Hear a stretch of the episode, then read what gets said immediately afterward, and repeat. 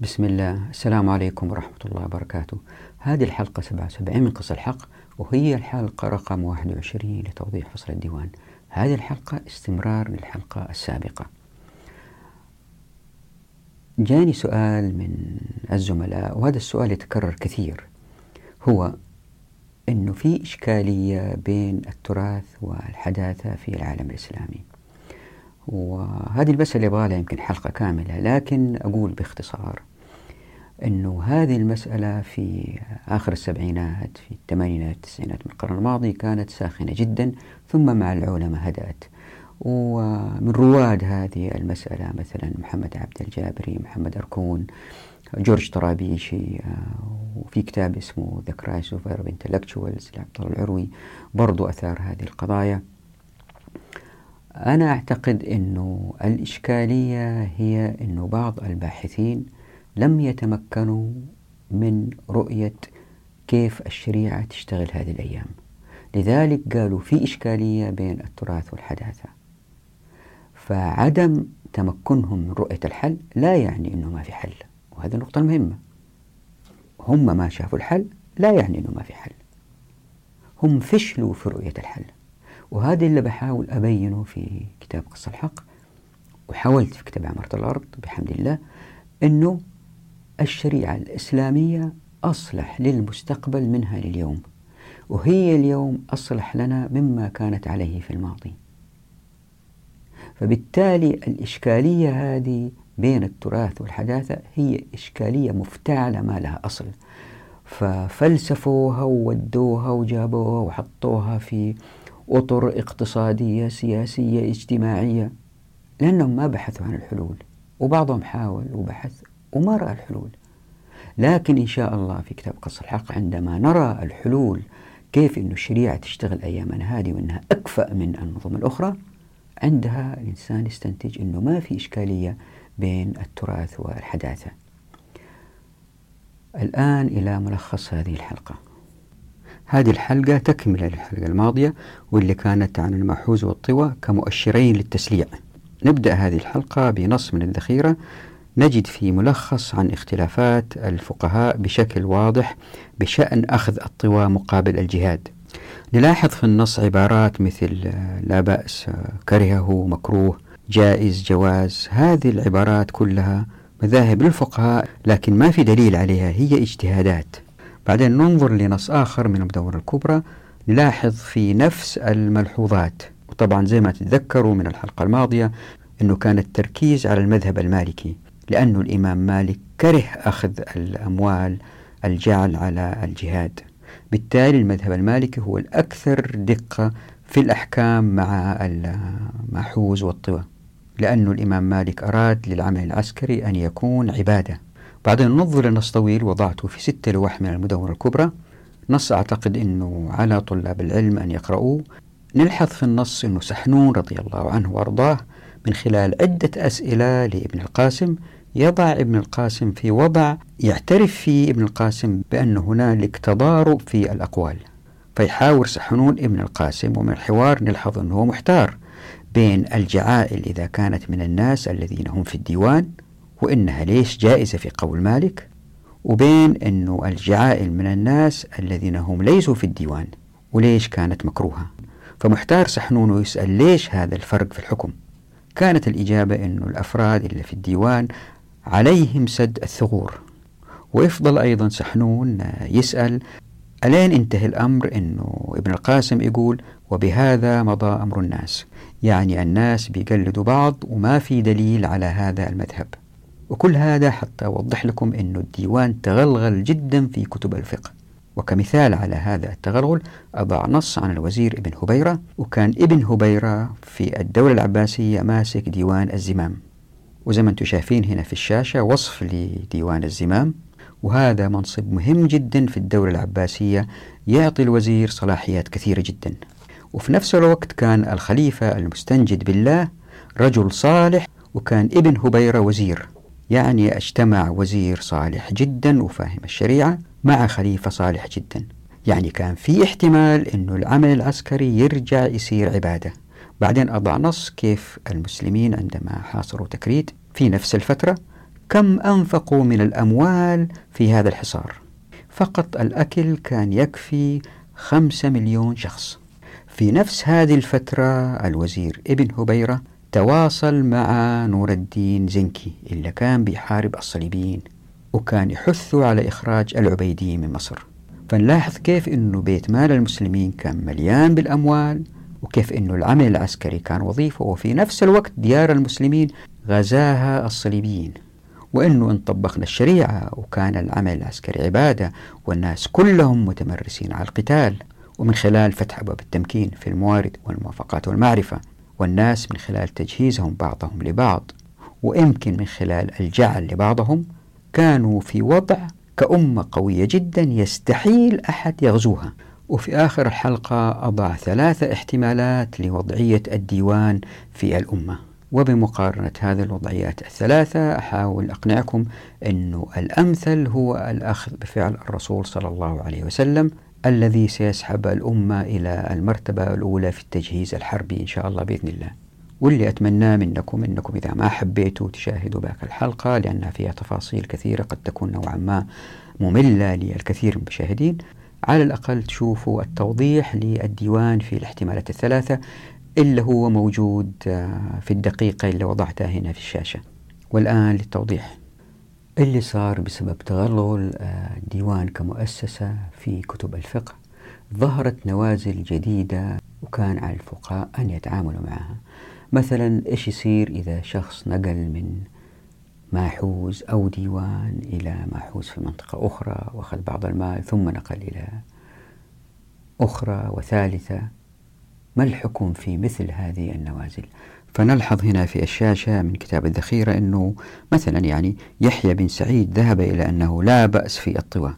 وهذا القول مناقض لما ذهب إليه ابن القاسم آخذا بقول الإمام مالك زي ما مر معانا في الحلقة الماضية. لكن ما في دليل وتلاحظ أيضا في الاقتباس أنه بيرجع لأقوال مثل قول ابن عمر رضي الله عنهما. طبعا الواحد عندما يرى مثل هذه النصوص يتردد في نقدها لأنه فيها أسماء صحابة كبار. لكن إذا تمعنا في اللي قاله ابن عمر رضي الله عنه نجد أنه لا ينطبق على الاستنباط. فقول ابن عمر لا يعني بالضرورة جواز الأخذ مقابل الطوى.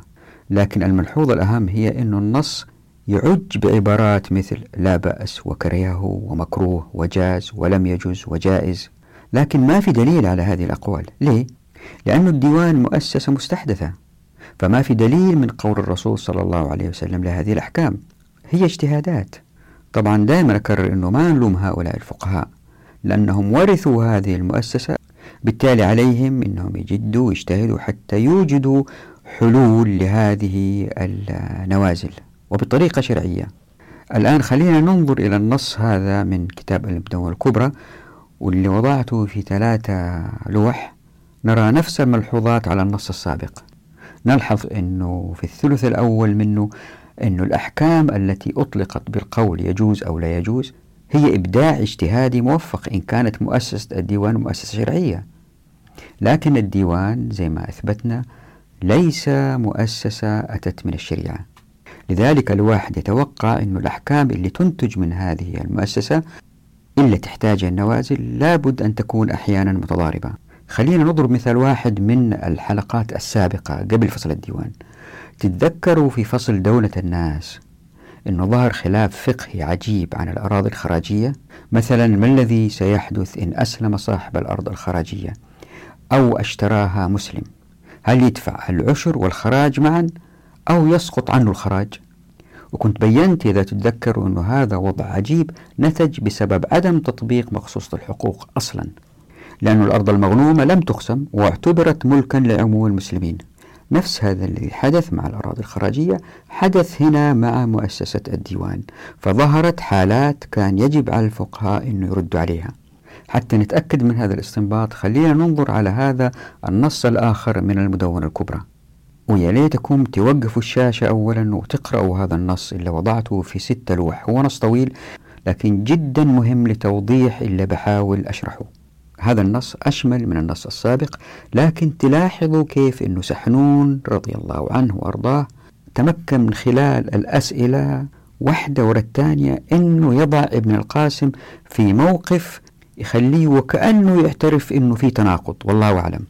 تلاحظوا أن النص بدأ بتوضيح جواز الجعل في البعوث. فهل يعني هذا أن يأخذ الخارجون للجهاد الأموال من السلطان أم من أناس آخرين مقتدرين؟ الظاهر أنها تعني الاثنين فالبعوث هي الجماعات من الأفراد الذين فرض عليهم القتال وقد تكون هذه الجماعات مدعومة ماليا من السلطان من خلال العطاءات أو الرزق. وهي التي تدفع شهريا للمقاتلين مثلا أو كل ست أشهر أو كل نصف شهر. عندها زي ما وضحنا سابقا بعض اللي يأخذ العطاءات يمكن يخلوها لبعض القاعدين كجعل حتى يخرجوا عنهم. ويمكن تكون البعوث أيضا من غير العطاءات أو الأرزاق. كيف؟ خلينا نوضح. لأن معظم الناس في المجتمع أيام السلف كانوا يأخذوا أموال من الفيء لأن الأموال كانت كثيرة بسبب الفتوحات يعني كانوا في ديوان العطاء باستثناء الأرقاء قسمت أموال الفيء بين الناس بالتساوي كما فعل الخليفة الصديق رضي الله عنه أو بالتفاضل كما فعل الخليفة الفاروق عمر رضي الله عنه. وهذه فصلناها في الحلقات الماضية. ولأن الناس كانوا يأخذوا من أموال الفيء كان عليهم الخروج للجهاد إن وضعوا في البعوث. ووضحنا كلمة بعوث سابقا. وإذا واحد ما قدر يخرج منهم لعذر ما عليه أنه يدفع فلوس يجعل جعل مثلا لواحد ما هو خارج عشان يخرج بداله. لدرجة أنه بلغ التغريم أو ما غرم من أراد التخلف في أيام عمر بن الخطاب رضي الله عنه مئة دينار زي ما هو موضح في الاقتباس. وفي هذا إشارة إلى ندرة من يقبلون أخذ الجعل في زمن الصحابة لأنه الكل كان يحاول أنه ما يتخلف. لكن مع مرور الزمن والله أعلم أزداد عدد اللي بيتخلفوا عن الجهاد. وبالتالي يمكن استئجارهم للعمل العسكري حتى عصر الإمام مالك الذي وصف الظاهر قائلا لم يزل الناس يتجاعلون بالمدينة عندنا يجعل القاعد للخارج. والسبب أني قلت أن الجعل قد يكون أما من السلطان أو من الناس هو إجابة مالك على سؤال ابن القاسم ويخرج لهم العطاء. بالقول ربما خرج لهم وربما لم يخرج لهم. اللي انظر للنص يلاحظ أنه سحنون رضي الله عنه وأرضاه كان متحير في الجعل إن كان من رجل في الديوان لرجل آخر من غير الديوان. هذه المسألة سببت له آه، حيرة. فكيف يكون رجل في الديوان ويأخذ العطاءات وبعدين ما يخرج القتال ويدفع الجعل لرجل آخر حتى يخرج مكانه. هذه حيرته. لذلك نجده يسأل ابن القاسم سؤالين بطريقة ذكية جدا حتى يصل إلى الجواب. السؤال الأول الذكي هو يعني بيسأل بيقول فهذا الذي ذكر مالك أنه لا بأس به فالجعائل بينهم لأهل الديوان منهم. كانت الإجابة بنعم. بعدين سأل مرة ثانية سؤال آخر ذكي. قال فلو جعل رجل من أهل الديوان لرجل من غير أهل الديوان شيئا على أن يغزو عنه استفسر. كانت الإجابة أن ابن القاسم لم يسمع الإجابة من مالك وأن هذا وضع لا يعجبه. لأنه سأل مالكا عن الرجل يأتي عسقلان وما أشباه غازية فيستأجر فرسا مثلا فكرهه مالك. نلاحظ في السؤال والإجابة في نوع من الكراهة بأن الجعل من رجل في الديوان لآخر من غير الديوان أمر مكروه وأن هذا الفعل كان أمرا واقعا أو منتشرا بين الناس وهو ليس وضعا مفترضا. سأل عنه سحنون بدليل أنه لم يعجب ابن القاسم يعني أن الجهاد صار سلعة.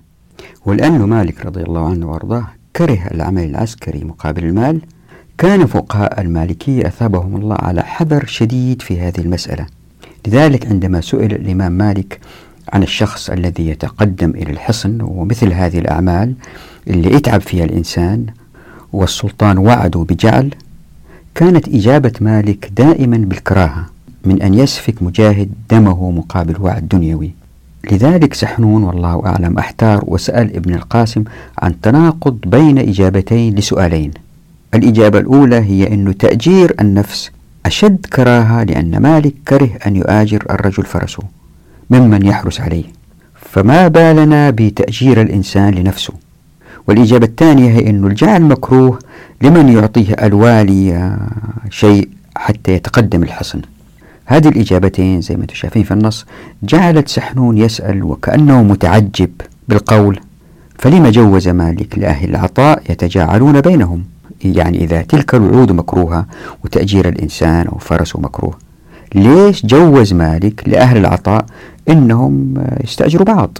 هذا صراحة سؤال ذكي جدا من سحنون رضي الله عنه وأرضاه لأنه إذا كره مالك جميع الأعمال العسكرية مقابل المال ليش جوز الجعل بين أهل العطاء؟ كانت إجابة ابن القاسم ذلك وخدماتهم لأنها مباعث مختلفة وإنما أعطوا أعطياتهم على هذا وما أشبهه. فأهل الديوان عندي مخالفون لمن سواهم. تلاحظوا هنا الإجابة ما تعتمد لا على آية ولا على حديث لكن هو رأي بالجواز بالتعليل أنه أهل الديوان بيختلفوا عن الآخرين. طيب السؤال ليش هم مختلفين؟ يستمر ابن القاسم في الإجابة لتعليل الاختلاف بالقول والذي يؤاجر نفسه في الغزو إن ذلك لا يجوز في قول مالك وهو رأيي أنه لا يجوز. وأما أهل الديوان فيما بينهم فليس تلك إجارة إنما تلك جعائل لأن سد الثغور عليهم. وبهذا مضى أمر الناس. نلاحظ هنا في هذا التعليل في نوع من التناقض وهو أن ابن القاسم يؤكد على عدم جواز تأجير الفرد لنفسه لكن التأجير بين أهل الديوان لا يعتبر إجارة بل هو جعائل لأن سد الثغور هي على أهل الديوان. طب السؤال هنا يظهر إيش العلة في هذا التفريق؟ لأنه كلتا الحالتين عمل مقابل المال. الإجابة تأتي من قول ابن القاسم وبهذا مضى أمر الناس. يعني لأن الناس تعارفوا على هذا الشيء فهو جائز. طب هنا يظهر سؤال. هذه مسائل صعب الواحد يحكم فيها من غير دليل من قال الله جل جلاله أو قال الرسول صلى الله عليه وسلم. وبالذات أن الآيات الكثيرة والتي تحدثنا عنها في فصل دولة الناس وبداية فصل الديوان كلها تؤدي إلى ضرورة أن يكون العمل العسكري عبادة. يعني ما شاء الله عليه سحنون أثابه الله نجح في استدراج ابن القاسم للحصول على إجابة لا تنتهي بدليل بل بمضى أمر الناس. يعني الدليل الوحيد هو أنه الفقهاء كانوا يتناقلوا هذه الأخبار. وهنا أتذكروا الإيجابيات الإشكالية اللي تحدثنا عنها في الفصول الأولى في فصل الديوان. كيف أنه في إيجابيات وهي جيدة للفقه أنه الأئمة ينقلوا من بعض لكن إن كان في خروج بسيط هذا الخروج يتكرر من فقيه لفقيه ويستمر لدرجة أنه بعض الفقهاء اللاحقين يعتقدوا أنه هذا هو الحق. وهذه وضحناها في حلقة ماضية. يعني في تقليد في الإجابة. والإثبات التقليد يمر سحنون سريعا على العديد من آثار السلف رضوان الله عليهم والتي تثبت جواز الجعل بين أهل العطاء. فمثلا يحدث يقول أنه ابن عباس كان يقول لا بأس بالطواء من ما حوز إلى ما حوز إذا ضمنه الإنسان.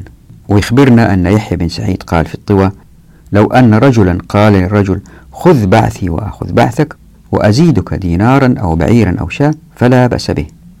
وأنه عكرمة رضي الله عنه كان يقول لا نرى بأسا بالطوى من ما حوز إلى ما حوز. وأنه ابن جابر سمع مكحول يقول إذا هويت المغزى فاكتتب فيه ففرض لك فيه جعل فخذه وإن كنت لا تغزو إلا على جعل مسمى فهو مكروه. وبعدين يوضح سحنون قول ابن جرير في فعل مكحول بالقول فكان مكحول إذا خرجت البعوث أوقع اسمه في المغزى بهواه. فإن كان له فيه جعل لم يأخذه وإن كان عليه أداه. وإذا تتذكروا أنه معظم إلا اقتبسنا سابقا كان يعكس ورع السلف رضوان الله عليهم فهم كانوا يفعلون كما فعل مكحول أي إن أعطوا جعلا تركوه أو أخذوه ليتقوى به لأن نياتهم كانت خالصة لله جل جلاله وليس للمتاجر بما أخذوه لدفعه لغيرهم وإن كان عليهم بعث دون جعل أدوه من خالص أموالهم. والسبب في هذا هو محاولة إخلاص النية كما يظهر هذا واضحا فيما أورده سحنون من قول علي بن أبي طالب كرم الله وجهه في جعيلة الغازي إذا قال إذا جعل رجل على نفسه غزوا فجعل له فيه جعل فلا بأس به وإن كان إنما يغزو من أجل الجعل فليس له أجر. وكذلك مما أورده سحنون من سؤال عبد الرحمن بن وعلى الشيباني لعبد الله بن عمر قائلا إنا نتجاعل في الغزو فكيف ترى؟ فكانت إجابة عبد الله بن عمر رضي الله عنه وأرضاه أما أحدكم إذا أجمع على الغزو فعرضه الله رزقا فلا بأس بذلك. وأما أحدكم إن أعطي درهما غزا وإن منع درهما مكث فلا خير في ذلك. طبعا مش كل الناس في مستوى وتقى ورع الصحابة والتابعين. لا سيما أنه بعض الصحابة كانوا في ديوان العطاء وهذا كان يخليهم يشعروا بالمزيد من المسؤولية لقاء المال الذي كانوا يأخذونه. طبعا هذا لا يعني أنه الشريعة لا يمكن تطبق هذه الأيام لأن قلوب الناس الآن ليست كالصحابة. لا هذه مسألة يأتي توضيحها أنه إن طبقت الشريعة لأجيال تتغير نفوس وسلوكيات الناس. كما هو واضح من هذه الآثار أنه مؤسسة الديوان تغلغلت في كتب الفقه بالتدريج لأنه ما كان في رفض شديد لها ولأنه كانت بدأت تصير أمر معتاد. ومن خلال التقليد للفقهاء بعضهم لبعض بدأ الديوان يتغلغل في الفقه. خليني أضرب مثالين لتوضيح مدى هذا التغلغل. زي ما أنتم شايفين هنا في الشاشة وضعت ثلاثة لوح عن عون بن يحيى بن هبيرة وهو المشهور بالوزير. وكان في طفولته فقير نوعا ما. بعدين صار كاتب في الإدارة العباسية وتدرج حتى أصبح وزير الخليفة المقتفي. ومن بعده وزير لابنه الخليفة المستنجد بالله. وتولى ابن هبيرة كتابة الديوان سنة 542 هجرية. والمعروف أنه اللي يميز الوزير ابن هبيرة هو تقواه وورعه وعلمه. فهو من كبار فقهاء الحنابلة. وكتب كتاب الإفصاح في عدة مجلدات. وكان على مذهب السلف في الاعتقاد وكان الخليفة المستنجد بالله معجب به جدا لدرجة أنه أنشد في الوزير قصيدة. وضعتها هنا في الشاشة. وكان إعجابه فيه شديد جدا لدرجة أنه عندما تولى الخلافة وعدوا بأنه راح يستمر في منصبه حتى يموت. وفي نفس الوقت الخليفة المستنجد بالله كان رجل صالح وكان عمره 45 سنة عندما تولى الخلافة. وكل سكان بغداد فرحوا عندما تولى الخلافة. يعني عندنا عالم كبير وخليفة يخاف الله سبحانه وتعالى. يعني الوضع كان مهيأ جدا لأن يحاول الوزير إعادة العمل العسكري من وظيفة إلى عبادة. يعني أخيرا وصل للوزارة رجل ذاق الفقر وشق طريقه بجهد جهيد وجمع بين العلم والعمل حتى أصبح وزيرا وعالما من علماء الحنابلة. وبرغم كل هذه الظروف الملائمة استمر العمل العسكري كوظيفة من خلال الأرزاق. خليني أضرب مثال لتوضيح هذه المسألة. أنفقوا ثلاثمائة ألف دينار على ستة آلاف مقاتل. هذا غير الإقامة اللي زادت عن ألف كر في حصار تكريت. والكر هو وحدة لقياس الأطعمة زي ما أنتم شايفين هنا في الشاشة. وزي ما أنتم شايفين أنه ألف كر يعتبر طعام كثير جدا. فقد قيل أن الكر يشبع خمسة آلاف إنسان. يعني في فترة الحصار تم إنفاق ما يشبع خمسة ملايين إنسان. والكر يمكن ارتفع سعره إلى 300 دينار إذا انتشرت القلاقل.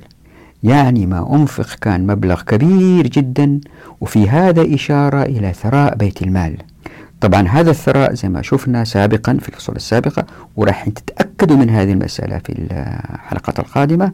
لابد وأن يؤدي إلى وضع يظهر فيه الفقراء في المجتمع.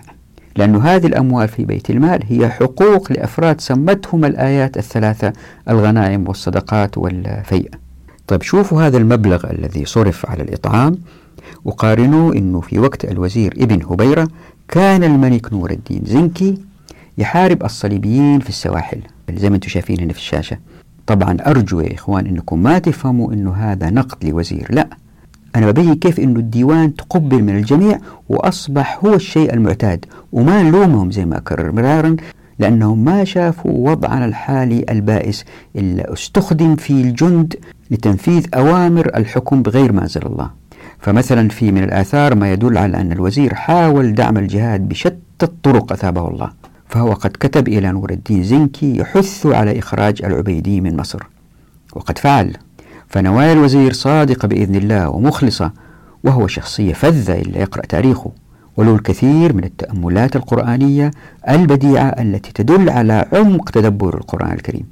يعني ما يمكن نلومه على عدم محاولة إعادة العمل العسكري ليكون عبادة محضة. لا أنا فقط ذكرت هنا لتوضيح مدى تغلغل الديوان في كتب الفقه. بالتأكيد بعضكم أو أكثركم ما يؤمن بالذي قيل إلى الآن. ليه؟ لأنه في فقهاء أجلاء كبار وافقوا على الديوان ولم يروا بأس فيه يعني. آه ستأتي المزيد من الإثباتات إن شاء الله لكن حتى يعني تستمروا معايا وأقنعهم أكثر أبغاكم تفكروا في مسألة واحدة. هي أنه آه فعل الرسول صلى الله عليه وسلم كان واضح زي ما بينا وما كان في ديوان والعمل العسكري عبادة وفي فعل آخر منطقيا لازم نختار أحد الثلاثة الاحتمالات. أما أنه الفعلين مختلفين تماما أو أنه هذا الفعل اللي هو الديوان هو تطوير لفعل الرسول صلى الله عليه وسلم أو أنه الفعلين نفس الشيء ولهم نفس التأثير. طبعا كون أن الفعلين هم نفس الشيء ولهم نفس التأثير الاقتصادي هذا شيء مستحيل. لأنه فعل الرسول صلى الله عليه وسلم لا يجمع الأموال في بيت المال عشان انفقها على الجند. هذا ما صار ولا يمكن إثباته. بقي الاحتمال الثاني ألا وهو أنه الديوان هو مؤسسة تعتبر تطوير لما فعله الرسول صلى الله عليه وسلم. هذه فيها كلام. ليه؟ لأنه إن أثبتت لكم إن شاء الله بإذن الله أنه هي ليست تطوير وإن كانت هي تطوير هي تطوير قد يكون صالح وهي والله أعلم صالح لأزمان سابقة كانوا الناس فيها مختلفين ولم يكونوا الحكام فيها بهذا السوء. لذلك نقول الديوان صالح لتلك الأزمان لكن ليس كفعل الرسول صلى الله عليه وسلم صالح لجميع الأزمان. وهنا نأتي للاحتمال الأول ألا وهو أنهم بالتأكيد زي ما بيحاول كتاب قصة الحق يبين هم فعلين مختلفين تماما ففعل الرسول صلى الله عليه وسلم هو الأصلح لكل الأزمان إن كان علينا أن نقتدي به وإن كان علينا أن نأخذ بالمنطق اللي بيحاول كتاب قص الحق أن يثبته ألا وهو أن العمل العسكري عندما يكون عبادة هو الأفضل للمجتمع وليس بس المجتمع المسلم ولكن للكرة الأرضية ليه؟ لأنه الشعوب الأخرى لن تحكم بالرأسمالية وبعقولها القاصرة التي ستؤدي إلى تلويث الكرة الأرضية. فما أحوج الكرة الأرضية للإسلام؟ تذكروا أنه إن قلنا أنه الديوان هو تطوير لفعل الرسول صلى الله عليه وسلم يعني كأنه ما فعله الرسول صلى الله عليه وسلم كان ناقص أو غير مكتمل ويحتاج إلى تطوير. وهذا يعارض الآيات الكثيرة التي تثبت أن الدين أتى مكتمل. فمثلا قوله تعالى أعوذ بالله من الشيطان الرجيم ما فرطنا في الكتاب من شيء. وقوله تعالى أعوذ بالله من الشيطان الرجيم اليوم أكملت لكم دينكم وأتممت عليكم نعمتي ورضيت لكم الإسلام دينا. ستروا إن شاء الله بإذن الله في الحلقة القادمة في الحديث عن الاستحداثات الفقهية كيف أن الفقهاء بدأوا يقعوا في إشكاليات فقهية بسبب الديوان لأنه أمر مستحدث. يعني ما في تناسق في الشريعة بسبب الديوان. إيش يصير مثلا؟ واحد يبغى يعين ولده مكانه في الماحوز. مين يقرر هذا؟ كم هي نفقات الجند؟ وهل جميع الجند متساويين وكيف يرتبوهم في العطاء؟ جميع هذه إشكاليات أدت إلى فتح الأبواب للرشاوي. وسنرى إن شاء الله في الحلقة اللي بعدها عن الحديث عن الاشتراكية. وباقي فصول هذا الكتاب كيف أن الديوان جسم مستحدث وأدى إلى ظهور البيروقراطية التي أدت إلى ظهور الدولة بمفهومها الحديث والذي أدى إلى مجتمع يماشي المجتمعات الغربية التي تسحب الإنسانية إلى الفساد والكرة الأرضية إلى تلوث. نقف هنا نراكم على خير إن شاء الله في الحلقة القادمة. ودعواتكم